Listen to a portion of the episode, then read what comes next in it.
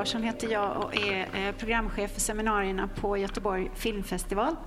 Och jag vill eh, hälsa eh, välkommen till den eminenta moderatorn som eh, ska ta över här nu.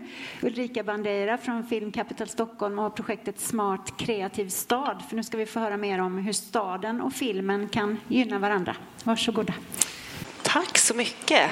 Välkomna hit alltså. Den här kommande tre kvarten ska vi alltså prata om eh, just hur filmbransch och arkitektur kan samverka. Och jag heter alltså Ulrika Bandeira och kommer, precis som Camilla sa, från eh, Film Capital Stockholm där jag är projektledare eh, för ett projekt som heter Smart kreativ stad och det är ett femårigt kunskapsprojekt som handlar om rörliga bilder och stadsrummet kan man säga lite kort.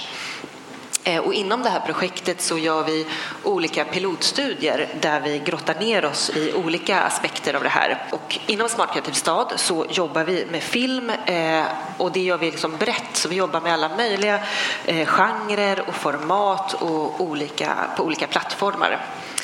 Och ni har sett lite bilder här tidigare när ni kom in tror jag från de tidigare pilotstudierna som vi har gjort. För att nu har vi kommit in ungefär drygt halvvägs i eh, det här projektet. Eh, så vi kommer gå in i en ny fas som handlar mer om att sprida all den kunskap som vi har eh, tillägnat oss så att fler kan ta del av den. Och nu då så håller vi på med pilotstudie nummer 10 som heter Creative Film Skills.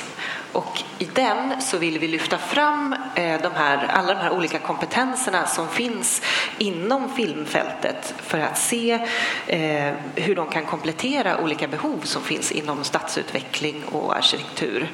Och nu kommer jag säga stadsutveckling lite slarvigt eh, för att, och i det så inkorporerar jag arkitektur och bygg och bostad och allt det här.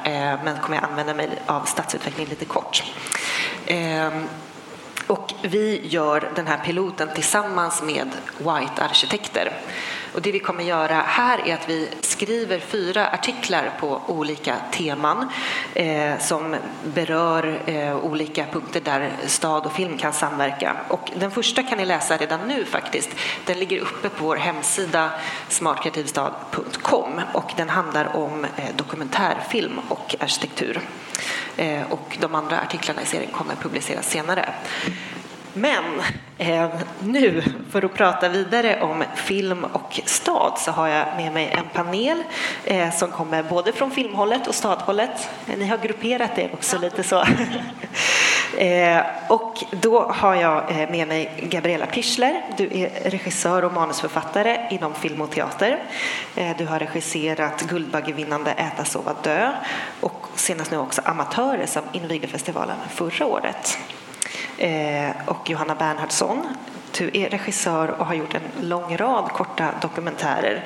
Eh, senast till exempel In All Her Ages som också visades här på festivalen förra året. Eh, och du är också kursansvarig och undervisar på filmproduktionslinjen på eh, Göteborgs folkhögskola. Eh, och välkommen också till Filip Strebeiko. Du är arkitekt på White Arkitekter som också är vår samarbetspart i det här. Eh, och sist men inte minst Kai Granat, eh, arkitekt och forskare, eh, tidigare lektor på Tekniska högskolan i Jönköping men nu är du gästforskare på Chalmers inom Centrum för boendets arkitektur. Allt korrekt. Ja, hela den här pilotstudien den går ju ut på att lyfta fram kompetenser inom filmfältet för att se hur de kan komplettera behov inom stadsutveckling och det bygger vi ju på antagandet att kultur och film gör våra städer bättre. Eh, jag skulle vilja börja med att fråga, håller ni med om det här och varför då i så fall? Johanna? Eh, ja, jag håller verkligen med om det såklart. Det är väl bara att titta på eh, Göteborg nu när filmfestivalen drar igång. Det påverkar ju stan jättepositivt tycker jag. Och det är inte bara för filmare och sådär utan det är väldigt publikt. Jag börjar alltid tänka på bättre vad är bättre? Eller vad är bättre för vem och bättre på vilket sätt? Bättre rent funktionellt och liksom eh, eh, eller bättre rent eh, upplevelsemässigt eller bättre i form av eh, ja, men i, i, på vilket sätt? I, ibland får jag för mig att bättre betyder funktion, alltså att det handlar om ja, men att det har med funktion att göra och ehm, det, då tycker jag att det är lite tråkigt. Men om bättre kan betyda mycket mer, om det kan betyda poesi eh, i, i stadsrummet till exempel, så, ja, så blir det ett större spektra. Mm. Vad säger ni då från arkitekthåll? Eh, ja, nej, men absolut. Det, det är det korta svaret. att, att eh, folk mår ju bättre av kultur. Det finns ganska mycket som visar på det. Eh, det ger massa, eh, massa tillfällen till innovation, eh, arbetstillfällen, jag menar allt sånt där. Det säger sig självt. Men framförallt så är det liksom, alltså kultur uppstår ju oavsett om vi vill det eller inte. Nu är inte jag någon antropolog, men jag vågar påstå det ändå att kultur kommer finnas där oavsett vi vill det eller inte. Om det är Eh, så att säga oombett i form av graffiti eller liksom Chicago footwork-dansare på gatorna i Chicago eller kuduro-dansare i Angola eller vad det nu är så, ehm, så kommer det komma ändå. Liksom. Det kommer uppstå ändå. Det är liksom så vi funtade. Och ehm, då är det ju liksom upp till oss att bestämma hur tillåtande vi är. Liksom. Eh, och vi som, som arkitekter då kan ju då um, bidra med en, en mer eller mindre tillåtande plats för de här eh, sakerna. Så att kultur uppstår liksom inte i ett, i ett vakuum utan det är liksom specifika människor med specifika bakgrunder med specifika, på specifika platser och det är det vi kan bidra med då. Kaj, ville du säga någonting? Ja. Jag spinner vidare på Johannas här. Jag tycker att Göteborgs filmfestival är ett intressant exempel på det är ett kulturevenemang som nästan blir ett stadsbyggnadsprojekt. Liksom. Att man inte har låst in sig i ett biopalats med liksom, man går in och stänger dörren och så är det 14 salonger utan att det är en ett evenemang som tar staden i besittning. Eh, plötsligt blir sexan spårvagn blir liksom festivalspårvagnen för den tar den till de här olika platserna. Plötsligt ser man nya typer av människor som inte syns lika tydligt i stadsrummet. Liksom blir, blir, man, det är lite festivalstämning kring Järntorget och såna grejer. Så dels tycker jag att där finns en, en uppenbar koppling och sen även som, som hantverk så att säga så tror jag att arkitektur och film kan, kan lära mycket av varann. Att det också bidrar till att göra staden bättre. Ja. Intressant, det ska vi ju eh, verkligen fördjupa oss nu närmsta tiden. Och jag ville bara inflika eh, som en kommentar till det du sa Gabriella att eh, för mig är det verkligen när jag säger bättre så tänker jag ofta att det handlar om eh, platser, alltså hur vi gör städer till platser där liksom fler trivs att bo och vistas på. Platser som är mer inkluderande, välkomnande och dynamiska. Att det inte bara handlar om en yta eller liksom funktionalitet. Men eh, Philip White är ju med som samarbetspart i eh, den här studien och jag skulle vilja börja med att fråga, alltså, hur använder ni er av film idag? Eh, ja, i, idag använder vi oss, vi, använder oss av rörlig bild men det, det är hyfsat nytt att göra det liksom för oss i branschen. Och, eh, vi använder det dels eh, internt för att kommunicera på kontoret och sådär.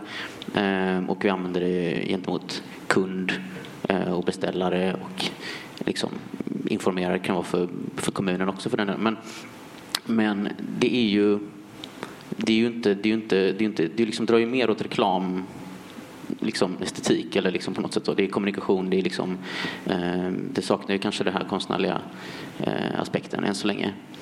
Eh, och det har vi liksom inte riktigt sett så mycket av i Sverige än. Det finns liksom exempel på detta eh, utomlands. Eh, alltså överlag så finns det ett väldigt ehm, eh, etablerat samband mellan liksom film och arkitektur så genom hela filmhistorien. Eh, men det har mest handlat om arkitektur på film, men film som ett medel för att skapa arkitektur är ganska nytt då, eller skapa debatt. Liksom. Eh, det har funnits liksom, en, en del exempel, Kojanis Katsi kanske man kan se som ett sånt, eh, eller den här nya eh, dokumentären Bikes, bikes versus Cars. men de kommer liksom från, snarare från något slags aktivisthåll, inte från arkitekter. Men det har börjat dyka upp lite sånt då. Det har Eh, här, en brittisk eh, studio som heter eh, Factory 15. Som, eh, de har en arkitektbakgrund men de jobbar just med film som mediet. Då. Så de gör dels film åt andra men så gör de också egna filmer för att skapa debatt. Då. Som ett exempel är de har gjort en kortfilm som heter Jonah Ehm, som, som eh, handlar om en, en man som, som blir fångad på ett foto med en jättestor fisk i en afrikansk by. Och den här lilla afrikanska byn blir ett, ett, eh, liksom ett turistmecka för att de, de, de liksom, allt handlar om den här jättestora fisken som tydligen ska finnas där. Och det är liksom en kommentar på den här, det vi kallar för Bilbao-effekten då, där eh, den här staden Bilbao i Spanien som eh, blev ett sånt turistmål efter att Frank Gehry ritade Guggenheim-museet här då. Så det är liksom ett sätt att, att, att skapa debatt just kring arkitektur som kommer från arkitekthåll och det, det är ganska nytt. Eh, men där är vi ju inte än riktigt, om vi säger så, eh, i, på White. Jag tror faktiskt att den filmen ligger att se på Vimeo fritt. Om det... det stämmer, ja. ja. Eh, men Kai, du, du som jobbar inom akademin, jag tänker att du har lite mer liksom helikopterperspektiv. Ser du att det finns ett behov generellt inom branschen att bjuda in mer kreativa näringar eller filmspecifikt? Ja, det gör det absolut. Och där, dels i med så komplexa stadsutvecklingsprojekt, om man ska gå in i en befintlig miljö och göra liksom, eh, man ska göra en 80 miljonprogramsförorter eller vad det nu är. Där finns det ju de som jobbar aktivt med att låta de boende göra videodagböcker eller liksom dokumentera sin verklighet. Det här tycker vi är kvaliteten och sådana grejer. Där finns ju en direkt koppling, liksom hur man använder filmmediet som, som kunskapsunderlag i ett förändringsarbete. Eh, men sen finns det också i, eh, det finns ju byggnader Eh, Danmark Radios nya konserthus där de har en fasad där du kan projicera. De kan direktsända konserten som pågår inne i huset kan de direktsända på fasaden. Det finns interaktiva byggnader där verksamheten, det som pågår i huset, eh, påverkar hur huset ser ut. helt sådär, va? Så att eh, vi kan absolut... Eh, det skulle vara jätteintressant att göra ett, ett projekt på, på, eh, på arkitektskolan med liksom en filmare som jobbade aktivt med, med arkitektstudenterna. Jag har inte varit med om det ännu, men det, det har säkert gjorts. Men, men det, sådana grejer hade vi absolut kunnat ha nytta av. Och jag tror att en arkitekt hade kunnat komma till folkhögskolan och, och göra någonting roligt där. Det, det finns jättefina kopplingar. Eh, om man tittar omvänt då inom film, eh, hur skulle ni vilja bli inbjudna? liksom, vad, vad är det för förutsättningar från ert håll som krävs för att det ska bli bra samarbeten? Det är så svårt att föreställa sig, men bara nu när vi pratar och mm, tidigare där inne. Det är, eh, jag tror ju, eller jag får för mig att eh, film, ehm, vi som jobbar med film och ni som jobbar med arkitektur eller som arkitekter, att det är lite match made in heaven ändå. Eh, och att det, ehm, det är någonting som i alla fall vi är väldigt intresserade av men väldigt okunniga om. Ehm, och kanske upplevs det så vice versa. Liksom. Men, och, um, jag vet inte, jag, du bad om ett konkret förslag. Och uh, jag tänker väl att det beror lite på, men apropå um, att jag ofta, till exempel som nu när det snöar um, så jag älskar det som händer i stan då när man börjar se folks fotspår och se var folk egentligen går eh, när de får välja själva. Och det ser man ju inte annars, men då ser man liksom de här myrstigarna som, som bryter av mot logik och så som vi har planerat ibland. Och vi har ju den här fina gångstigen, ändå väljer folk att gå bakom det där trädet, eh, få genvägar eller... Eh, och på något sätt när, när det faller snö och någonting osynligt blir synligt så går i alla fall jag igång som kreatör. Eh, och då tänker jag, gud, vad, vad, vad, mer kan man göra som, som gör det osynliga synligt och på vilket sätt kan film medverka Dels i det som, som gäller det, det funktionella, alltså, men, men framför allt går jag igång på vad kan vi bidra med som är det ologiska, det, det icke förväntade, det som vi finner i stadsrummet som vi kanske inte hade förväntat oss. Eller, eller som, som vi inte hade tänkt på. Och varför jag hela tiden refererar till poesi är nog för att jag, jag märker också att vi längre och längre fjärmar oss från det poetiska. Alltså det som inte är det som nu idag nästan gör att vi blir provocerade när vi läser en text vi inte förstår. Eller liksom, man, man, folk blir, provo, blir provocerade av det. Liksom. För vi är så vana vid att läsa texter som mer leder till en, ja, men det är en artikel eller det är, det är någonting vi ska fatta. Det är, så att eh, när det kommer till att skapa känsla, stämningar, att eh, vrida och vända och vara liksom irriterande ibland. Inte bara skönt och bekvämt och locka till att vi ska sitta i det här rummet och titta på någonting tillsammans utan kanske störa och vara lite... ja, det är väl sånt jag ser fram emot. Jag tänkte på det att um, arkitektur eller stadsplanering är ju som film, det är också en typ av berättelse. Eh, det som berätt, tänker jag i alla fall. Eh, det en berättelse om vart vi är på väg, liksom, men också en berättelse om hur det har varit. Och liksom mer så här, vad är värt att bevara av det som har varit och eh, vem väljer ut det, så att säga. Vem bestämmer det? Där kanske vi filmare skulle kunna komma in på något sätt att eh, undersöka det. Ehm.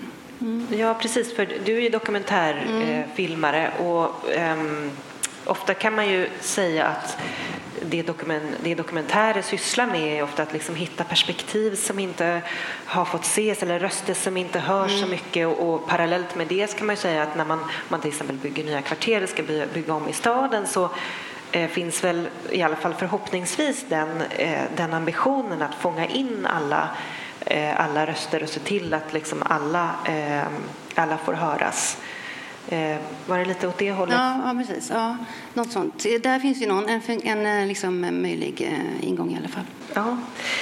Ehm, jag tänker också lite på, nu har vi pratat mycket om det offentliga rummet där och, och konst har ju sedan länge en väldigt självklar plats. Vi har statyer överallt och konst i kollektivtrafiken och så. Ehm, och på samma sätt så har ju rörlig bild också en väldigt eh, etablerad plats i det offentliga rummet men då liksom i form av reklam. Ehm, men däremot liksom film som konstnärlig genre ser vi inte så mycket av vad tänker ni, framförallt ni som är filmare, vad tänker ni skulle krävas för typ av förutsättningar för att man skulle kunna bjuda in filmen mer i det offentliga rummet? Um. Nej, men alltså, det kanske har varit så här att eh, projektioner och eh, skärmar och så vidare är lite krångligt att underhålla, möjligtvis. Jag tänker, vi har, det finns väl den här enprocentsregeln, va? att man eh, en procent av en nybyggnations budget ska gå till offentlig utsmyckning. Och där skulle, det är väl inte så vanligt att offentlig utsmyckning är rörlig bild.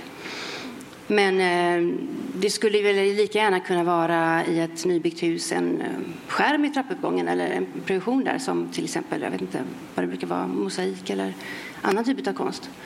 Eh, det är ju en ganska, ja, varför inte liksom? Och det kanske är en viss typ av eh, film då som passar bättre för det. Kanske som film som inte tar så lång tid att se. Och dessutom kanske eh, ljudet kan vara ett problem att underhålla. jag vet inte, men det är ingenting som inte går att lösa såklart.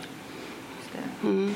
Eh, I den här artikeln som vi nu har publicerat så kom det också upp förslaget att man liksom kan använda sig av, av broar eftersom mm. de skapar ett befint, liksom, de ger ju tak och lite mörker eh, men också att man ofta eh, fastnar i det här, man ska ha bänkar men kanske man vill att de ska vara uppvärmda, Nej, men det går ju inte för då kommer någon sova där. Men också en sån enkel sak som att det ska finnas eluttag tillgängligt mm. så att man ska kunna göra liksom utomhusvisningar utan att behöva dra dit tunga och bullriga dieselaggregat till exempel. Mm. Eh, om jag tittar lite på eh, er som är arkitekter, är det, det, från mitt perspektiv tänker jag det här är ju en jätteenkel lösning. Det är bara när man bygger planera ut att det finns lite eluttag här och var. Eh, är det, kan man göra så?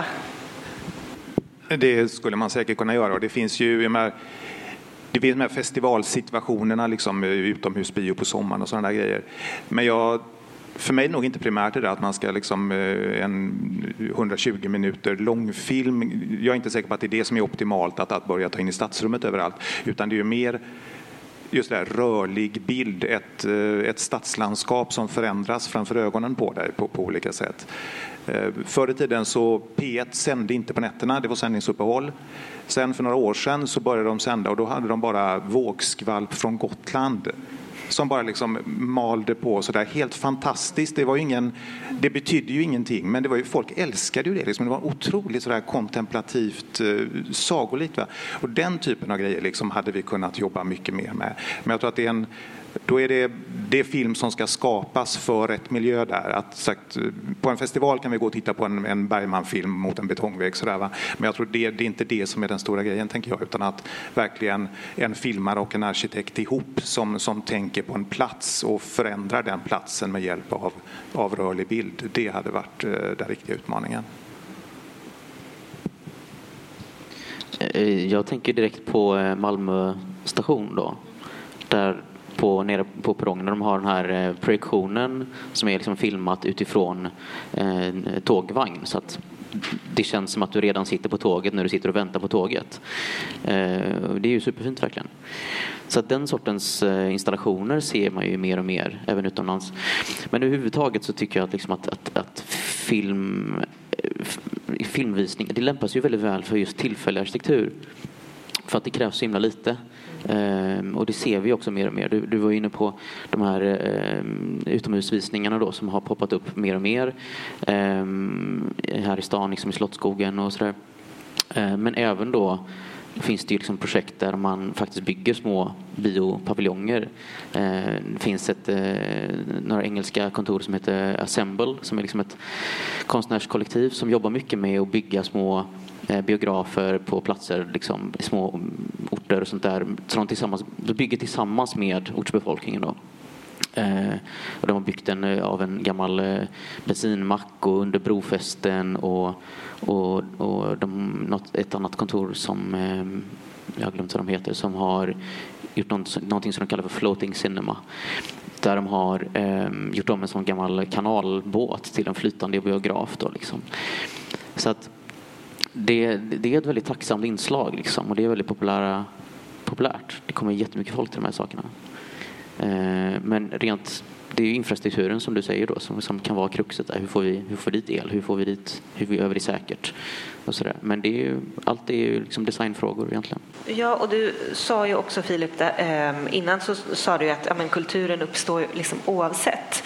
Men om man just vill skapa förutsättningar och vill eh, jobba tillsammans. Alltså, I vilket steg ska man göra det här? Om man vill bjuda in filmare när man planerar, när i processen ska man göra det? För det är ju väldigt långa processer ibland.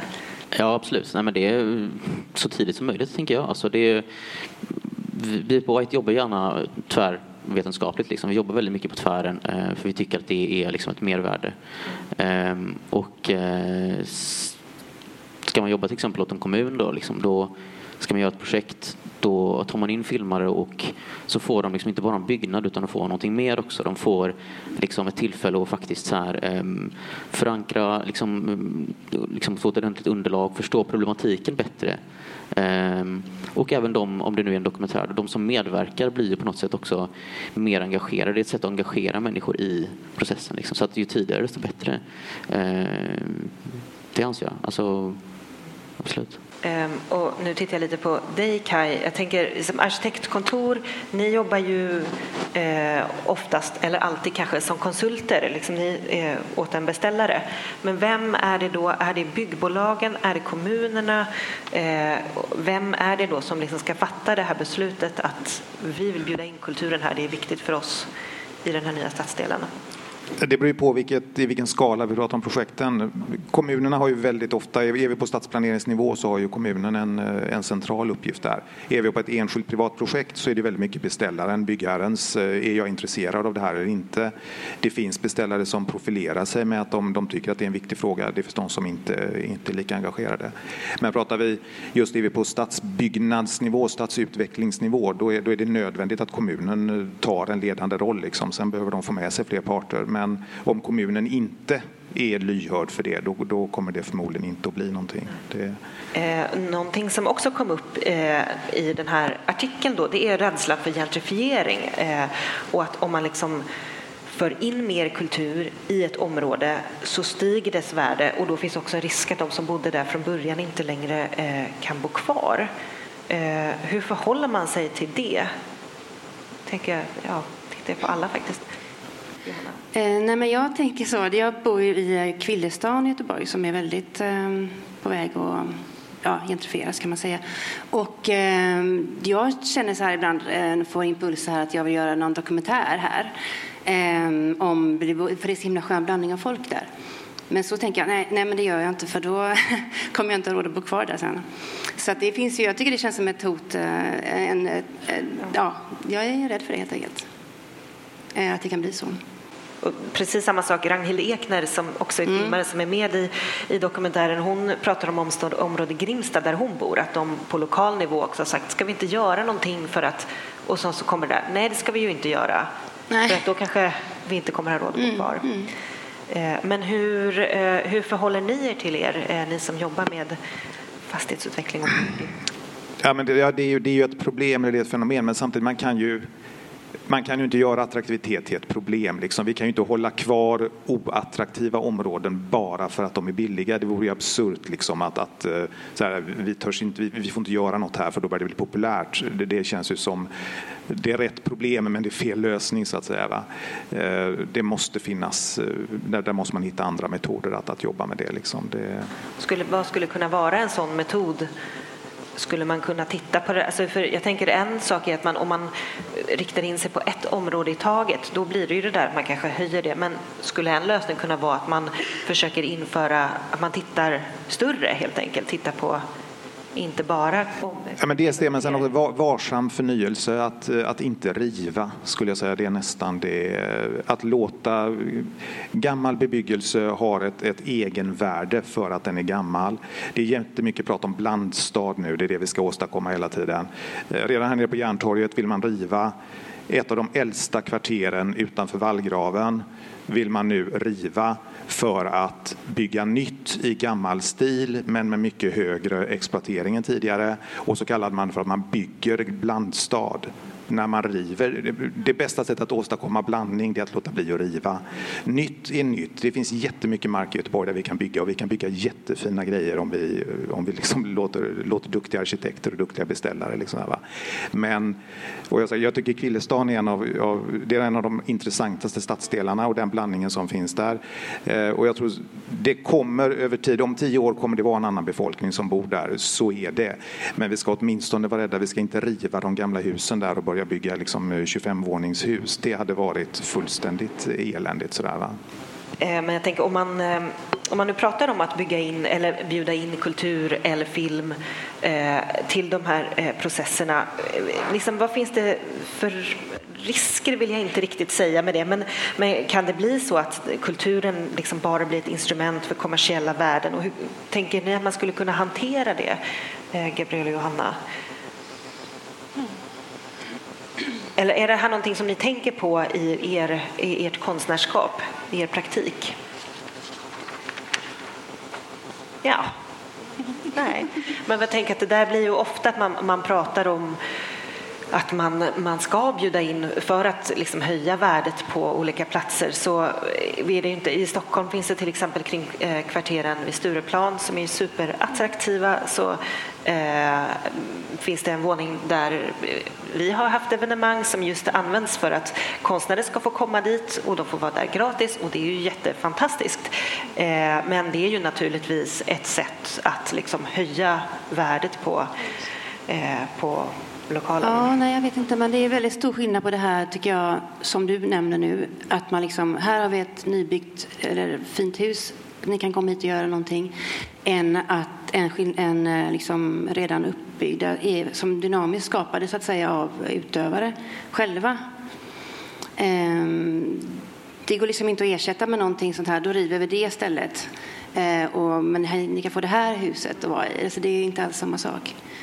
Ja, det var inte det som frågan egentligen. Eh, en annan grej jag tänker lite på det är ju, eh, hållbarhet är ju liksom ett modeord, eller, men det är ett väldigt viktigt ord inom många sektioner av vårt samhälle.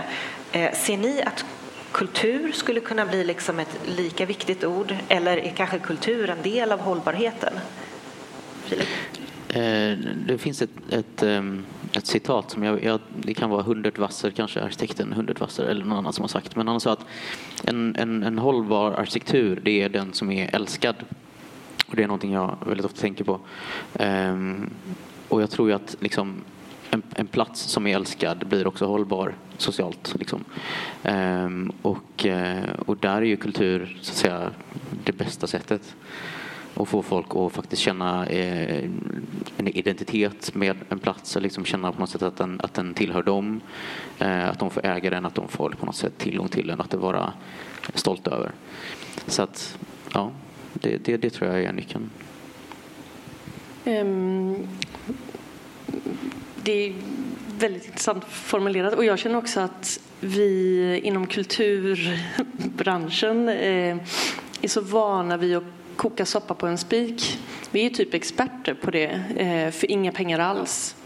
I sitt liv kan vi gå och göra sånt eh, och sen dö utan pension. liksom. men, men vi är bra på det. Så jag tänker att eh, nu när det är så här, apokalypsen är årets tema och folk kan bli lite så här, få, eh, vad heter det, inte väderångest, vad heter det, det är klimatång, klimatångest.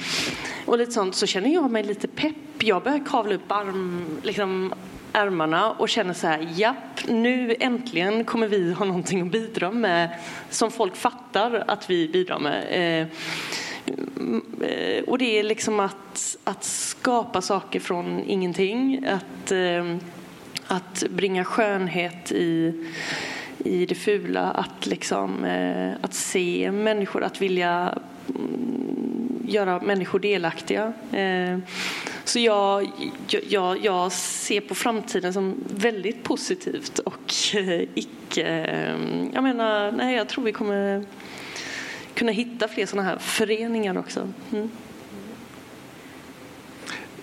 I hållbarhetsdiskussionen, man brukar ha Traditionellt kör man en tredelad, ekonomisk, ekologisk och social hållbarhet. Sen finns det de som nu börjar tycka att vi ska ha kulturell hållbarhet som en fjärde dimension. För mig, är det, det jag, för mig ingår kulturell hållbarhet i social hållbarhet så att jag, jag, tycker egentligen inte att det behöver brytas ut som en egen. Men jag tycker att den aspekten eh, det ekonomiska och det ekologiska det är liksom ramarna och medlen men det är social hållbarhet som borde vara det övergripande målet. Liksom, att skapa en, eh, en, ett schysst samhälle för så många som möjligt. Och det finns något som blir väldigt viktigt i samhällsplaneringsdebatten det är ju att att skapa arenor, att skapa utrymmen för folk. Var kan du sitta ner utan att vara tvungen att betala? Var liksom kan du sätta dig utan att vara tvungen att köpa en kaffe eller en öl eller någonting sånt här? Va? Vilka ytor kan du, kan du vistas på utan att vara kund eller konsument? Den typen av grejer är, är väldigt angeläget och där måste också, det, det är kommunen, det, det, det, det offentligas ansvar att erbjuda de ytorna. Och där ser vi en väldigt stark kommersialiseringstrend, liksom att fler och fler ytor i stan, det som förut var gemensamma ytor blir nu privatiserade och de blir övervakade och de stängs på natten och sådana saker. Så där finns det väldigt mycket att bevaka. Ehm, jag tänkte, det var någon som sa här, nu minns jag inte eh, vem, men som nämnde filmen som kulturbärare. Eh, och där tänker jag att liksom filmpedagogens roll blir väldigt viktig och det är också flera som har nämnt att de har jobbat med filmpedagoger i sina projekt. Ehm, jag tänker Johanna, du som eh, också är lärare, hur, tänker, hur ser du, skulle man kunna jobba eh, med filmpedagoger mer inom arkitektur? Ehm, ja, nej, men jag kommer att tänka på ett exempel faktiskt som jag har sett och hört som eh, Valand jag har gjort. Det, här, det är någonting äldre som gör film från deras perspektiv. Ehm, och då minns jag att det var jag tänkte, det var ett väldigt tydligt exempel. Det var liksom en äldre man som bodde någonstans där det var han bodde långt uppe på en backe. Och så, eh, det var i Göteborg alltså. Och så var affären långt ner på backen. Och så hade han med sig sin iPad och filmade hur han gick då eh, från affären och eh, hem. Och eh, så hörde man så här, att han var trött och så där. Och sen så, så, så bara, här skulle det, här, alltså var det på ett ställe han stannade och vilade. Och där ville han då, det blev det väldigt tydligt att han behövde en bänk att sitta på. Det fanns ingen bänk där. Och jag tänker att det är sånt himla, film är ett väldigt bra sätt att synliggöra eh, andra människors eh, levnadsvillkor eller ja, perspektiv helt enkelt. Och då eh, blev det så. Jag vet inte vem de vände sig till, en Park och Natur eller någon. Så kom det en bänk dit i alla fall. Så att jag tänker att det är sånt där att synliggöra helt enkelt eh, olika människors liv. Ja, jag brukar ofta när jag undervisar att man ska börja i sig själv, liksom. Eh, lite som i amatörer. Där. Ja, precis. Jag skulle gärna vilja, liksom, jag tänkte också fråga lite om amatörer, för den, där handlar det ju om, för de som inte har sett den, eh, en kommun som bjuder in eh, elever då för att filma, för att göra en, en reklamfilm för kommunen. Eh, och jag tänker att, och i filmen så jobbar du också väldigt tätt tillsammans med en kommun, eller om jag förstår det rätt, om ehm, Eh, kan inte du berätta lite mer om det arbetet och om liksom varför det så, blir så himla starkt med just det här att man får skildra sin egen vardag? Ja, Um, nej men jag reagerade ju på ett fenomen som redan fanns där ute som heter kommunfilm eller, eller små reklamfilmer som kommuner gör själva ofta eller lägger ut på någon som, som kan det här med att filma. Och så lägger man det på ehm, kommunens hemsida till exempel eller länkar till Youtube.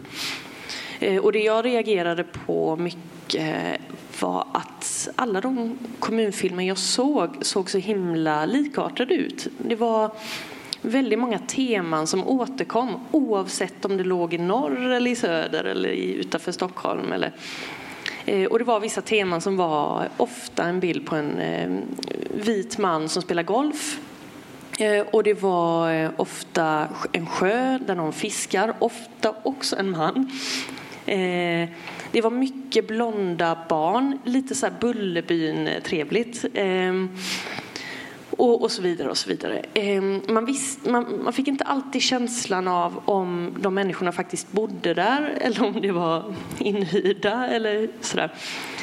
Och det fascinerade mig så mycket att, att det, hur kan det vara så eh, likartat och hur kommer det sig att det inte speglar de som faktiskt bor där. Eh, jag har ju själv bott i en eh, liten, pytteliten kommun.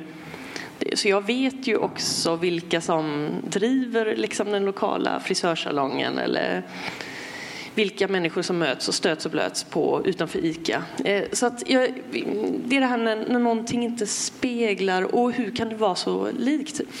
Och, och mycket av svaren ligger väl i att eh, dels vågar man kanske inte sticka ut för mycket. Man vill hålla sig kanske till, eftersom man beroende på vilka man vill locka till sig, kanske alltså, folk med pengar, eh, en viss, folk med viss status, kanske barnfamiljer ur övre medelklass, företag, eh, industrier och så vidare och kanske turister så tror man kanske att det är den bilden som ska ge mest eh, avkastning på något sätt utifrån den bilden. Och det, det, det satte igång liksom hela den eh, idén för den filmen också, eller det är det mycket kretsar kring.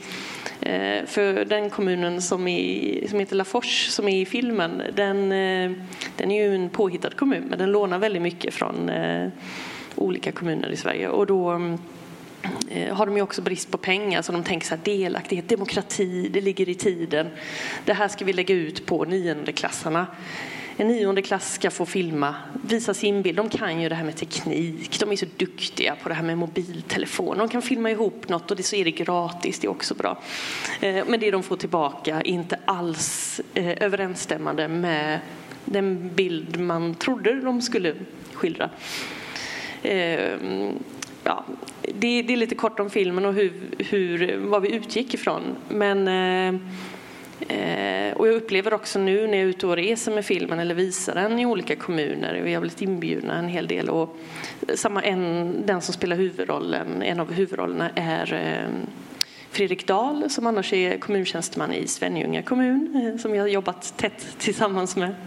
Och han har pytsat in väldigt mycket av egna erfarenheter i kommunarbetet och sådär. Mm. Men, men, vad är det som gör liksom att de här filmerna som eleverna själva spelar in eh, liksom på något sätt säger så himla, fångar någonting som inte de här reklamfilmerna filmerna fångar? Som ju, de är ju professionella filmare. Liksom. Mm.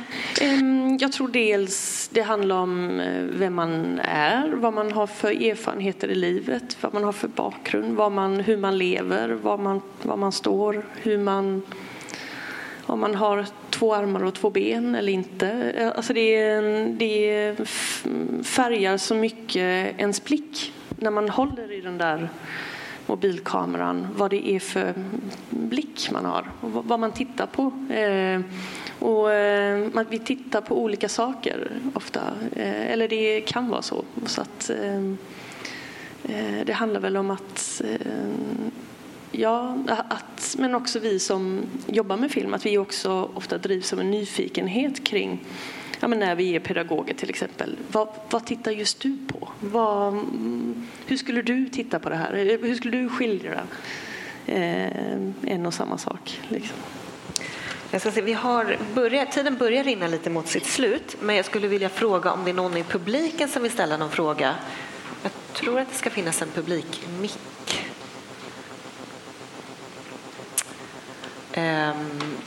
Ja, det är bara att vifta i så fall. Uh, jag... Får jag bara spinna på lite grann? För det, det är också någonting med film är ju väldigt mycket kollektiva föreställningar, kollektiva fantasier. Och det finns ju vissa miljöer som västerlänning, när man kommer till New York första gången så är det som att komma tillbaka så att säga. Det, man har redan sett det här. Det är precis taxibilarna är gula och det ryker ur gatubrunnarna och husen är jättehöga och allting sånt där. Och det finns sådana miljöer som är så stenhårt medialiserade så att alla, alla vet hur det är för vi har sett det här så mycket och vi har sett så mycket saker som händer där. Och så finns det andra miljöer i samhället som aldrig skildras. Liksom, som vi, vi har ingen kollektiv föreställning om de miljöerna. Och där kan ju där kan ju ett filmprojekt synliggöra de miljöerna på ett sätt som, eh, så att de blir tillgängliga för, för andra människor att ta del av. Nej, men jag kommer ihåg när jag jobbade eh, för några år sedan eh, som filmpedagog i eh, Hammarkullen på en skola där. Så eh, var det en utställning på Hasselblad Center eh, samtidigt med eh, fotografier av Jens S. Jensen som har fotat eh, Hammarkullen jättelänge. Ehm, och så gick vi på den utställningen. Det, med, det var en åttondeklassare, eller åttonde klass, åttonde, ja, vad det? Ja, årskurs åtta. Och ehm, då ehm, var det väldigt många bilder från ehm, ett område i Hammarkullen som Bredfjällsgatan heter gatan som är väldigt stora sådana här ehm, hyreshus. Ehm, väldigt snyggt på bild kan man säga. Ehm, det blir väldigt liksom, ja, det blir tydligt kan man, ja, vad det här är för plats kan man säga. Och, ehm, men då tyckte de efter utställningen, de var liksom inte alls så imponerade av de här snygga bilderna utan de sa liksom så här, men han har bara fotat de fula platserna. Han har inte tagit med de fina platserna. Och då fick de eh, ta bilder då eh, på de fina platserna och då blev det ju en helt annan bild. Då blev det ju eh, villor och ehm, fina grönområden och så som ehm, kanske man inte förknippar med Hammarkullen överhuvudtaget. Jag tyckte det var, det var liksom, för mig var det en ganska så här, oj, just det. Just det. Mm. Eh, förlåt, Filip. Eh, ja, nej, jag tänkte bara eh, ett litet tillägg till vad Kaj här sa om eh, Eh, vi, vi, pratar ju hela tiden om, om, om eh, offentliga rum liksom, och, och eh, film i offentligt alltså filmare i offentligt rum kan man väl säga. Då. Eh, och den relationen. Men det är också så att det offentliga rummet förhåller sig alltid till något, på något sätt till det privata rummet. Eh, man kan nästan säga att det kan vara en, som en invers mot det ena. Liksom. Eh, och eh, Eh, till exempel då, liksom i, eh, i Kina så använder man parkerna otroligt mycket. Liksom, det är året runt, 12 minus, folk står och gapar och sjunger och dansar och allting i parker. Eh, och det finns säkert många anledningar till detta. Eh, en av dem är bland annat att traditionella eh, kinesiska bostäder inte har vardagsrum. Utan det är ute man, man, man, man umgås och gör allting. Liksom. Eh, så det finns alltid det här förhållandet då mellan de två. Och där, det, är ju, det är ju verkligen ett tillfälle liksom för dokumentärfilmare till exempel att kunna gå in i de här privata rummen för att förstå vad vi behöver i de offentliga rummen. Liksom. För att det är ju alltid den eh, det är liksom ett, ett verktyg då, liksom, för, för, för, att komma åt det som inte vi som arkitekter egentligen har. Vi har inte tillgång till de här rummen. Eh, mm, det, det är ett gyllene tillfälle. Liksom. Jag tror att jag såg en hand här. Jo, jag undrar hur ni ställer er till det här nya testlabbet på Lindholmen, eh, det är Narrative VR Lab. För att det är ju någonting som verkligen kan få betydelse för stadsutvecklingen och där man kan då få medborgarna delaktiga att kunna visa då hur man tänker och man kan eh, både ha en, en mixed reality, alltså att med den verkliga och förändra det till hur jag skulle vilja ha det och kunna uppleva det riktigt. Och redan nu så finns det ju då på äldreboenden och så att de har eh, VR-visningar där folk kan komma ut i naturen och så vidare. Och, eh, och, men det finns ju överhuvudtaget inte med vad jag har sett i katalogen för eh, filmfestivalen som jag tror det här VR då kommer ju få väldigt stor betydelse framöver. Ja, Ja, alltså det, det, det är ju väldigt nytt som sagt. Och det, ehm, det finns arkitektkontor som jobbar med detta mycket. Eh, det finns ett som heter eh, Scanlab som är, de, de specialiserar sig på att scanna av hela rum eh, liksom, och, och kan liksom göra film utifrån ett, en, en fullständig 3D-modell av alla små detaljer och sådär. Ehm, och även eh, de här eh, Factory 15 har jobbat en del med just augmented reality där de har gjort konstinstallationer där eh, du går in i ett rum och du ser liksom volymer och så tar du på dig glasögon och så, bild, så förändras de här volymerna till byggnader. Då liksom. Ehm, så det är ju ett, ett, ett, ett ett verktyg som, som, som, eh, som man kan ha för att just skildra visioner och tillsammans liksom skapa visioner. Ehm, som är, verkar jättespännande verkligen. och jag kan bara flika in att inom det här eh, pilotprojektet som vi håller på med nu så kommer det faktiskt komma en artikel där vi eh, har bjudit in personer som jobbar med VR både från då, eh, arkitekthåll men också från filmhåll. Så att, eh, det kommer också komma mer från oss om det. Kaj, vill du säga något kort? Vi, vi pratade lite grann om det bakom precis innan vi gick upp här nu om VR och grejer för det är absolut där det händer väldigt mycket. Arkitektyrket har ju gått från handritat till digitalt och nu blir det mer och mer rörligt. Man bygger digitala modeller innan man börjar bygga det riktiga projektet. Och på rent konkret hantverksnivå kan man säga där skulle ju filmfolk kunna hjälpa till att göra de här digitala presentationerna, höja kvaliteten på dem för det är ofta där ett litet obehagligt snett uppifrån perspektiv och de här fullständigt åksjuka flygningarna genom nya stadsmiljöer och sånt där. Där på ett väldigt eh, verkligt hantverksnivå, liksom, hur gör man en intressant presentation av en framtida stadsmiljö? Där behöver vi er hjälp, definitivt. Det är ett bra konkret tips och det får tyvärr också bli sista ordet här. Eh, ni får supergärna gå in på smartkreativstad.com och läsa eh, den första artikeln. Och då vill jag eh, tacka alla er som kom och tack så mycket till panelen. Tusen tack.